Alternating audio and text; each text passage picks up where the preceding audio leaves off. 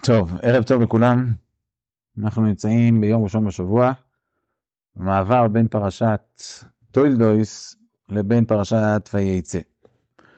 אז אה, אני רוצה להתחיל עם דברים שראיתי אתמול בספר הקדוש שנקרא שוימר אמונים, לבעל השומר אמונים, בברלה, והוא אומר ככה, יש לו מאמר שנקרא מאמר הגאולה, והוא מאריך בכל העניין של, ה... בכל העניין של הציפייה לגאולה וכולי, אבל הוא, מפתיע, הוא פותח ככה. אמר הבורא ברוך הוא, על ידי נביאו, רוני הקרא לו ילדה פצחי רינה וצהלי לא חלה, כי רבים בני שומעים ובני בעולה. הוא מרכז את הסדרה של הפסוק, אמר השם, ארחיבי מקום אוהלך ויראות משכנותייך וכולי, הפסוקים שאנחנו מכירים מההפטרות של השיבה דנחמתא. אז הוא אני, את הפסוקים, פסוקים מוכרים, אבל למרות שאולי היינו צריכים להקריא אותם, אבל המטרה היא פה לא להאריך בשיעור שיהיה מדי ארוך, אז נקרא את הדברים שהוא כותב. וכדי שנבין אפס קצהו, קצת הביאור מאלו הפסוקים בעזרת השם, נקדים לפרש העניין שאמור רז"ל במסכת שבת. מה ששואלים לאדם לאחר הפטירה, ציפית לישועה. וכן נתקינו אנשי הכנסת הגדולה ב-18 בנוסח כי לישועתך קיווינו כל היום. ומסומן בסידורים שצריך לכוון לקיים מה ששואלים לאדם ציפית לישועה, כדי שיוכל לעתיד להשיב אם ישאלו אותו אם ציפה לישועה. וכן נתקין בעל הפיוט של אני מאמין, אני מאמין באמונה שלמה בביאת המשיח, ואף פי שהתמהמה, עם כל זה אחר כך בכל יום שיובוי. מלכאורה, אם שואלים לו לאדם, אה, והוא מראשית השאלות ששואלים לאדם, ציפה וחיכה לישועה, היה צריך לרמוז את זה בתורה. ועוד מה מרוויחים בזה שמחכים? הלוא זה, זה הזמן הארוך של אריכות הגלות שהוא נורא ועצום. והוא אני כי גרתי משך זמן וציפינו לאור הבוקר זה זמן זמנים טובה. והנה בכל פעם שחשבנו בגלותנו הנה הגיע זה היום שקיווינו ראינו. אבל הנה כמו שכתוב בישעיה כמו ערה תקריב ללדת תכיל תזעק בחבליה כן היינו מפניך השם כי אנו רואים הצרות מתחדשים בעוונותינו הרבים זה אחר זה. וסוברים שהוא סימני ישועה כאילו ילדנו קרובים אנו להיגאל. והוא רוח ואין ישועה. כדכתיב הנה ארינו חלנו כמו ילדנו רוח ישועה וכולי. אם כן מה זה הציפוי? אז הוא מסביר פה ב- ב- אני, אני קורא רק את הקטע הראשון, כי הוא באמת יש לו כמה וכמה דרושים ארוכים, כמה, כמה עשרות, אפילו יותר, כאילו כמה עשרות דפים רציניים שהוא כותב. אבל הוא כותב לו בהתחלה בדברי רבינו הגדול בעל הסמק, בספר המצוות. הקדוש ברוך הוא מנהיג את העולם כולו ברוח פיו, והוא הוציאנו ממצרים ועשה לנו כל הנפלאות. ואין אדם נוקף אצבעו מלמטה, אלא אם כן מכריזים עליו מלמעלה. שנאמר מהשם מצעדי גבר קוננו. ובזה תלוי מה שאמרו חכמים, ששואלים לאדם אחר מיתה, ציפית לישועה? וכאן כתוב מצווה זו. מה זה, איפה כתוב בתורה בכלל מצווה זו? שואלים אדם שאלה, ציפית לישועה? זה לא כתוב בתורה. אלא שמע מינה אומר הסמק, בזה תלוי, שכשם שיש לנו להאמין שהוציאנו ממצרים, דכתיב, או לא יחיה השם אלוקיך אשר הוא הציסיך מארץ מצרים, ועל כוח מאחר שהוא דיבור, זאת אומרת זה אחת מעשרת הדיברות, אז מה התורה רוצה להגיד? שהוצאתי אתכם מארץ מצרים, מה זה רלוונטי מה שהיה פעם? זה הרי ציווי עתידי. אוכי קומא, כשם שאני רוצה שתאמינו בי, שאני הוצאתי אתכם, כך אני רוצה שתאמינו בי שאני השם אלוקיכם, ואני עתיד לקבץ אתכם ולהושיעכם. וכן ישעני ברחמיו שנית, כי נכתב ושבי קבצך מכל העמים, ואם כן ציפית לישועה, מצווה כתובה היא מאנוכי, ולכך שואלים עליך. אז יש לנו מצווה, דבר ראשון, מי שמדבר על הנושא של ציפייה לישועה, הוא מקיים מצווה שהיא המצווה הראשונה שבעשרת הדיברות. אנחנו לא מסתכלים על זה ככה בדרך כלל, מסתכלים שציפייה לישועה זה שייך למשהו, אנשים מיסטיים, אנשים שהם פחות אה, מפוקסים, מה נקרא בשפה של היום, אנשים שעסוקים בדברים, אה, זה, לא, לא אנשים תכליתיים, אבל אומר לנו הרבה, הסמ"ק, מרבותינו הראשונים, שהציפייה לישועה זה חלק מהותי מעונוי השם אלוקיך אשר השיחו מארץ מצרים. וכמו שאמרנו שבוע שעבר, וכמו שנחזור ונאמר, לנושא הזה אין יחסי ציבור טובים. והכלל הוא שדבר שיש לו יחסי, יחסי ציבור טובים, זה סימן שהוא לא משהו נכון. דבר שאין לו יחסי ציבור אמיתיים, זה דבר טוב. והסמכנו את זה שבוע שעבר, אולי אמרנו את זה בקו, אולי לא, אבל בכל אופן, כתוב הפסוק, ויקראו שמו יעשו. כאשר עשו נולד, אז כתוב ויקראו שמו עשו בלשון רבים. לאידך, כאשר יעקב נולד, כתוב ויקרא שמו יעקב לשון יחיד. מה ההבדל? אז ידוע מה שרש"י אומר שלעשו הכל קראו לו וליעקב הקדוש ברוך הוא קרא לו, אבל זה לא רק סתם, יש פה משהו הרבה יותר עצום. עשו זה דמות מוכרת, עשו זה דמות ציבורית, זה דמות מפורסמת, אנשים כותבים, שמעת מה עשו אמר, שמעת מה עשו פרסם, שמעת מה עשו עשה, וכולי, וכולי, ויקראו שמו עשו. אבל יעקב אבינו, רק הקדוש ברוך הוא קורא לו, ויקראו שמו יעקב, ליעקב אבינו אין יחסי ציבור טובים, ומה שהוא מנסה למכור, אין לזה התייחסות ציבורית, ומה שהוא מנסה להגיד, אין לזה התייחסות ציבורית, אבל זה בסופו של יום, זה יעקב אבינו וזה האמת, והאמת בסופו של יום יוצאת לאור. ופה אני רוצה להגיד משהו שהוא יישמע כביקורת, אבל הוא באמת לא מתור מקום של לבקר. אני הקטן, ניסיתי להעביר לעיתונים חרדיים את הרעיון הזה, שמה שאנחנו מדברים פה בקו, זה נושא הזה שצריך לצפות ולבקש את שלושת הבקשות האלו, זה לא דבר שכתוב בספרי קהילה מסוימת או חסידות מסוימת, זה דברים שכתובים מפורש בחז"ל, ורבותינו הראשונים כותבים דברים שחור על גבי לבן, שזה מה שיצטרכו לעשות באחרית הימים, כאשר עם ישראל יעמוד בשלב של אחרי ימי הגולה, עם ישראל יעמוד, הוא יצטרך להגיע לשלב של ישובו בני ישראל וביקשו את השם. אז העיתונים מוכנים לפרסם חיזוקים באחד, חיזוקים בשתיים, מאמרים של הרב הזה, מאמרים של הרב ההוא, הכל טוב ויפה. אבל כשמגיעים בתכלס, מה שבאמת חז"ל הקדושים אומרים לנו שצריך לעשות, לא, לא, לא, סליחה, לא, לא, לא, לא, לא, לא, לא יודע, לא, לא, לא, זה נראה לנו פה משהו מיסטי, משהו לא, לא, לא סטנדרטי, זה לא זה, חיזוקים בברכת המזון, חיזוקים בקריאת שרשה למיטה, חיזוקים בשבת, חיזוקים בצניעות, חיזוקים בדברים טובים נחמדים, אנחנו מוכנים. אבל כשמדובר בחיזוקים שבאמת צריך לעשות, מה שחז"ל הקדושים אומרים לנו שצריך לעשות, פה מגיעים למצב כזה ש... ש, ש, ש, ש, ש, ש, ש. אז כמו שאמרתי, יחסי הציבור לנושא הזה הם יחסי ציבור מאוד מאוד לא טובים, ודווקא בגלל שהדבר הזה הוא כל כך חשוב. אז uh, אני רוצה להגיד פה דברים שכותב רבנו בחי בפרשת השבוע שלנו, פרשת ויצא. אומר רבנו בחי, כתוב בפסוק, מה שכאשר יעקב אבינו חולם, אז הוא אומר, כאשר הוא קם משנתו, אז הוא אומר, מה נורא המקום הזה? אין זה כי בית אלוקים, וזה שער השמיים. אומר רבינו בחיי, יש פה שלוש לשונות של זה, זה, זה, זה. אז הוא אומר ככה, דבר ראשון, זה מרמז לשלוש בתי מקדשות. שלוש בתי מקדשות, בית המקדש הראשון, עליו נאמר, מה נורא המקום הזה? בית המקדש הראשון היה מקום של השראת השכינה. בית המקדש השני, זה אין זה כי אם בית אלוקים. זאת אומרת, זה בסדר, זה מה שנקרא יש פה משהו, יש פה השראת השכינה, וברור, בית המקדש השני היה בהשראת השראת השכינה, אבל מצומצמת, כמו שכתוב בחז"ל, שחמישה דברים חסר בית המקדש השני, ולא היה בו השראת השכינה כמו בית המקדש הראשון. ובית המקדש השלישי, וזה שער השמיים, שער השמיים העתידי, זאת אומרת, זה, וזה שער השמיים, זה הבית המקדש השלישי, שאליו אנחנו מייחלים ואליו אנחנו מצפים. ומה כתוב לנו בפרשת השבוע? שיעקב אבינו ישן, ואז הוא רואה, והנה מלאכי אלוהים עולים ויורדים בו. אז כתוב, ידוע מה שכתוב בחז"ל, ודברים מובאים כמו שבראשונים בהרבה מקומות. אומר רבינו בחי, ושוב אני מקריא חלק מהדברים שלו. בפרקי רב לזר, הראה לקדוש ברוך הוא ד' מלכויות, משלן ואובדן. הראו שר מלכות בבל עולה 70 הקלים, הווה אומר 70 שליבות בסולם ויורד. הראו שר מלכות מדי עולה נ"ב הקלים, 72, 52 מדרגות ויורד. הראו שר מלכות יוון עולה, עולה 180 הקלים ויורד.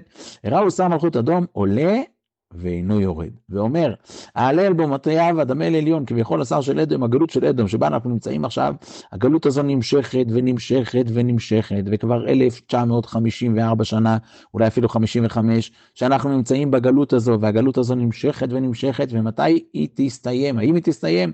אז יעקב אבינו פחד, אומר ריבונו שלום, האם זה לא הולך להסתיים? אומר לו הקדוש ברוך הוא, אם תהלל, כתוב בפסוק, שאומרים את זה ב... בהפטרה אומר לו הקדוש ברוך הוא, אם תגיע, בהפטרה של פרשת אה, וישלח, אם תגביה כנשר קניך ואם בין כוכבים שים מושביך, משם הורידך נאום השם. זאת אומרת הקדוש ברוך הוא אומר לאיסוב, שהוא בעצם שורש הגלות גלות אדום, אומר לו גם אם תעלה, תעלה לאיפה שאתה רוצה, בסופו של יום אני אוריד אותך, ואני אסיים את הגלות הזאת. אבל במה תלוי הסיום של הגלות? אז אני רוצה להביא גם דברי רבנו בחיי, גם כן בפרשת השבוע, ובוא נקרא, נקרא מה הוא אומר. אומר רבנו בחיי, בסוף הפרשה, כאשר יעקב אבינו חוזר לבית של אה, אבא שלו, לפני שהוא חוזר, כאשר לבן תופס אותו, מה הוא אומר לו? ואתה הלוך הלכת, כי נחשוף נחשפת לבית אביך, למה גנבת את אלוקיי? אומר, למה גנבת את אלוהי? אומר רבינו בחיי, מה, למה כתוב בפסוק נחשוף נחשפת? מה זה נחשפת? אז הוא אומר, יש פה תוספת ה', רמד לכבוד שכתוב בו בית קודשנו ותפארתנו, ואליו היה נחשף כי בית קודשנו הוא הכבוד ותפארתנו תפארת ישראל. זאת אומרת יעקב נחשף לא רק לבית של יצחוק אבינו, בתור לבוא לבית של יצחוק אבינו להיות שם, אלא בתור נחשפתי לבית, לבית אביך, הכוונה היא נחשף לבית המקדש, ובוא לא נשכח שיעקב אבינו הוא הבטיח לקדוש ברוך הוא, והנה וכל אשר תיתן לי אעשר אעשרנו לך, והאבן הזאת ששמתי מציבה יהיה בית אלוקים. זאת אומרת הוא בעצם רוצה לבנות את מקום השראת השכינה בעולם. אומר הרבנו בחי, הוא כתיב עוז תפארת בקדשו וכולי. אומר הרבנו בחי, בואו נקשיב לשש המילים הבאות. ומי שלא נחשף אליו, הוא החוטא. זאת אומרת, מי שלא נחשף לבית המקדש, הוא חוטא. וכלשון הזה מצינו שהוכיח הנביא את ישראל כאשר לא היו נחשפים ליראת השם ושמירת מצוותיו, הוא שאמר התקוששו וכושו הגוי לא נחשף. אז זאת אומרת שמי ש... אם מחפשים חטא, אז הזכרנו פה שבוע שעבר שכתוב בחז"ל, דברי חז"ל הקדושים, אין ישראל נגלים אלא בתשובה. אז על איזה תשובה מדובר? נחזור ונאמר, אם מדובר על תשובות נקודתיות, זאת אומרת, פלוני יתחזק באחד, ואלמוני יתחזק בשתיים, והשלישי יתחזק בדבר הזה, והרביעי יתחזק בדבר ההוא, אז לא יכול להיות שהתשובה היא תשובה נקודתית. כי אם התשובה היא שכלל ישראל, אין ישראל ניגול עם אלו בתשובו, הכוונה היא תשובה אחת ויחידה, מה שכתוב פה ברבינו בחיי ובעוד מקומות, שהוא כותב שהתשובה היא שעם ישראל יחזור לחשוף לגאולת עם ישראל, לחזור לחשוף לבית המקדש ולהגיד לרבנו שלום, אנחנו לא רוצים להישאר בגלות, אנחנו רוצים לצאת מן הגלות, אנחנו רוצים לחזור לבית המקדש. ואני רוצה לספר פה סיפור.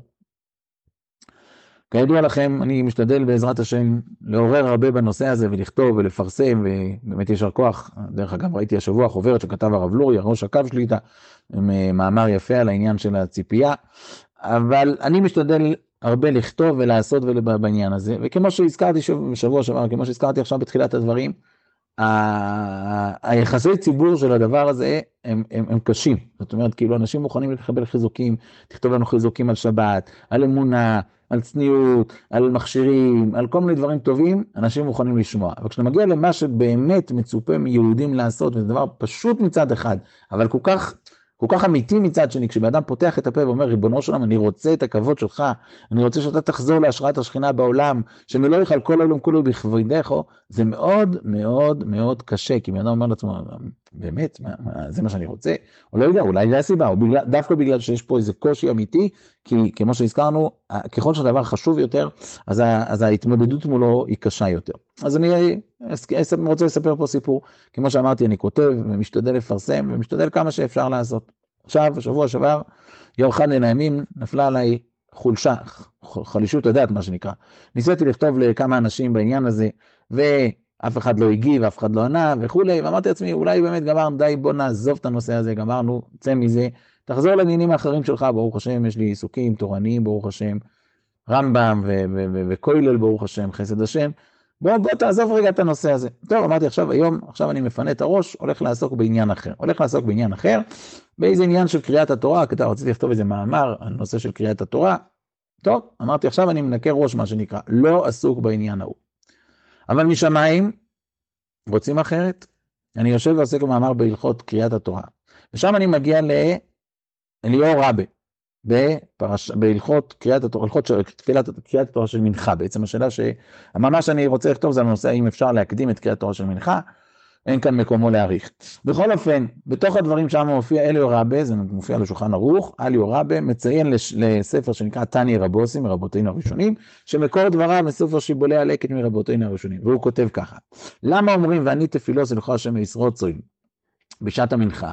הוא כותב את המילים הבאות, לפי שאותה צרה שתהיה בעת קץ, שכמו שכתוב בחז"ל היא תימשך תשעה חודשים, אז זה יימשך תשעה חודשים, והיום האחרון יהיה יום השבת, וכל אותו היום תכבד הצרה עד מאוד, ולעת מנחה, אז, אה, אז תיעצר הצרה, ויבוא משיח. זה הסיום של הדברים שלו. ואני אומר לעצמי, ריבונו של עולם, ריבונו של עולם, תראה מה שקרה פה.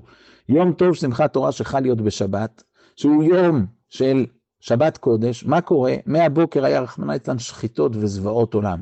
מתי התחיל המצב להתייצב? משעת המלכה פתאום המצב נהפך, ומאז עם ישראל במצב של לרדוף את הגויים. אז יבוא פלוני ויגיד לי, מה, אנחנו ציונים, אנחנו מחכים לניצחון של הציונים? לא, אנחנו לא מחכים לניצחון של הציונים, אנחנו מחכים למלכות השם.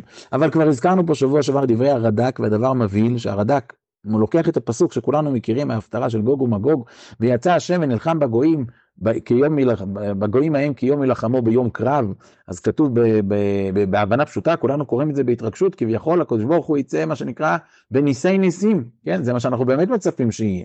אבל הרד"ק כותב שביוצא השם ונלחם בגויים ביום, ההוא כיום ילחמו ביום קרב, הכוונה היא שהתעצמו ישראל במלחמה נגד אומות העולם. שוב, התעצמו ישראל, זאת אומרת שהמלחמה תהיה מלחמה כביכול מלחמה טבעית, ועם ישראל יתעצם מול, מול אומות העולם. עכשיו, פה אני רוצה רגע להעיר הערה ולעשות מחאה, מה שנקרא. ראיתי בימים אלו מתפרסמים בבתי הכנסת מאמרים של קבוצה מסוימת, שבלי לזלזל במה שהם עושים, העדה החרדית, שבאמת בלי לזלזל בדברים חשובים שהם עושים. אבל שם כתוב משפטים כאלו, שאנחנו צריכים להתפלל שתכלה מלכות הרישה הציונית, ואז נחזור לחסות בצל, בצל כנפי בני ישמעאל, כמו שחיו בעבר עם בני ישמעאל. ואני שואל, הרמב"ם באיגרת תימן לא ראה את מה שאתם רואים? והרמב"ם כותב שאין מה שהרע לישראל כבני ישמעאל. רבינו בחיי כותב שהאויב של בני ישראל זה ישמעאל, אבוי, לפני הציונים. האור החיים הקדוש כותב בפרשת צו שאין אומה שהרע לישראל כבני המערב, דהיינו בני ישמעאל. רבותינו הראשונים ורבותינו האחרונים, כולם כותבים, רבי מערכו, רב חיים ויטל כותב שבסוף הימים עתידים בני ישמעאל להרע לעם ישראל צרות גדולות. אז על מי מדובר פה? מה זה הדמיונות האלו? כאילו כביכול שנחזור לחסות בצל כנפי הישמעאלים, זה מה שאנחנו רוצים? שטויות. הגיע הזמן לעשות מחאה גם על הדברים האלו מצד אחד, וגם על הדבר השני מצד שני, שבהרבה מקומות, כשאתה מגיע לדבר על הדברים החשובים באמת, אנשים סוגרים את הפה, לא מוכנים לדבר על זה, מוכנים לדבר על חיזוקים נקודתיים כאלו ואחרים, על דברים קטנים, קטנים מאוד, בזמן שהתפקיד האמיתי של עם ישראל זה להתחזק בדבר הזה שחז"ל הקדושים אומרים לנו, אחר יושובו בני ישראל, וביקשו את השם אלוהיכם ואאת דוד מעלקום, ופוחדו אל השם ואל טובוי באחריס היום. אומרים חז"ל, אומר רב שם בן יוחאי, בשלושה דברים מעשו ישראל, ואינם עתידים לגאל, אומר רב שמעון מנסי, זה פלא פלאות, תשיבו למילים, אין מראין סימן גאולה לישראל, עד שישובו ויבקשו שלושתם, זאת אומרת, כל זמן שלא יבואו ויגידו, ריבונו שלם, אנחנו רוצים את זה.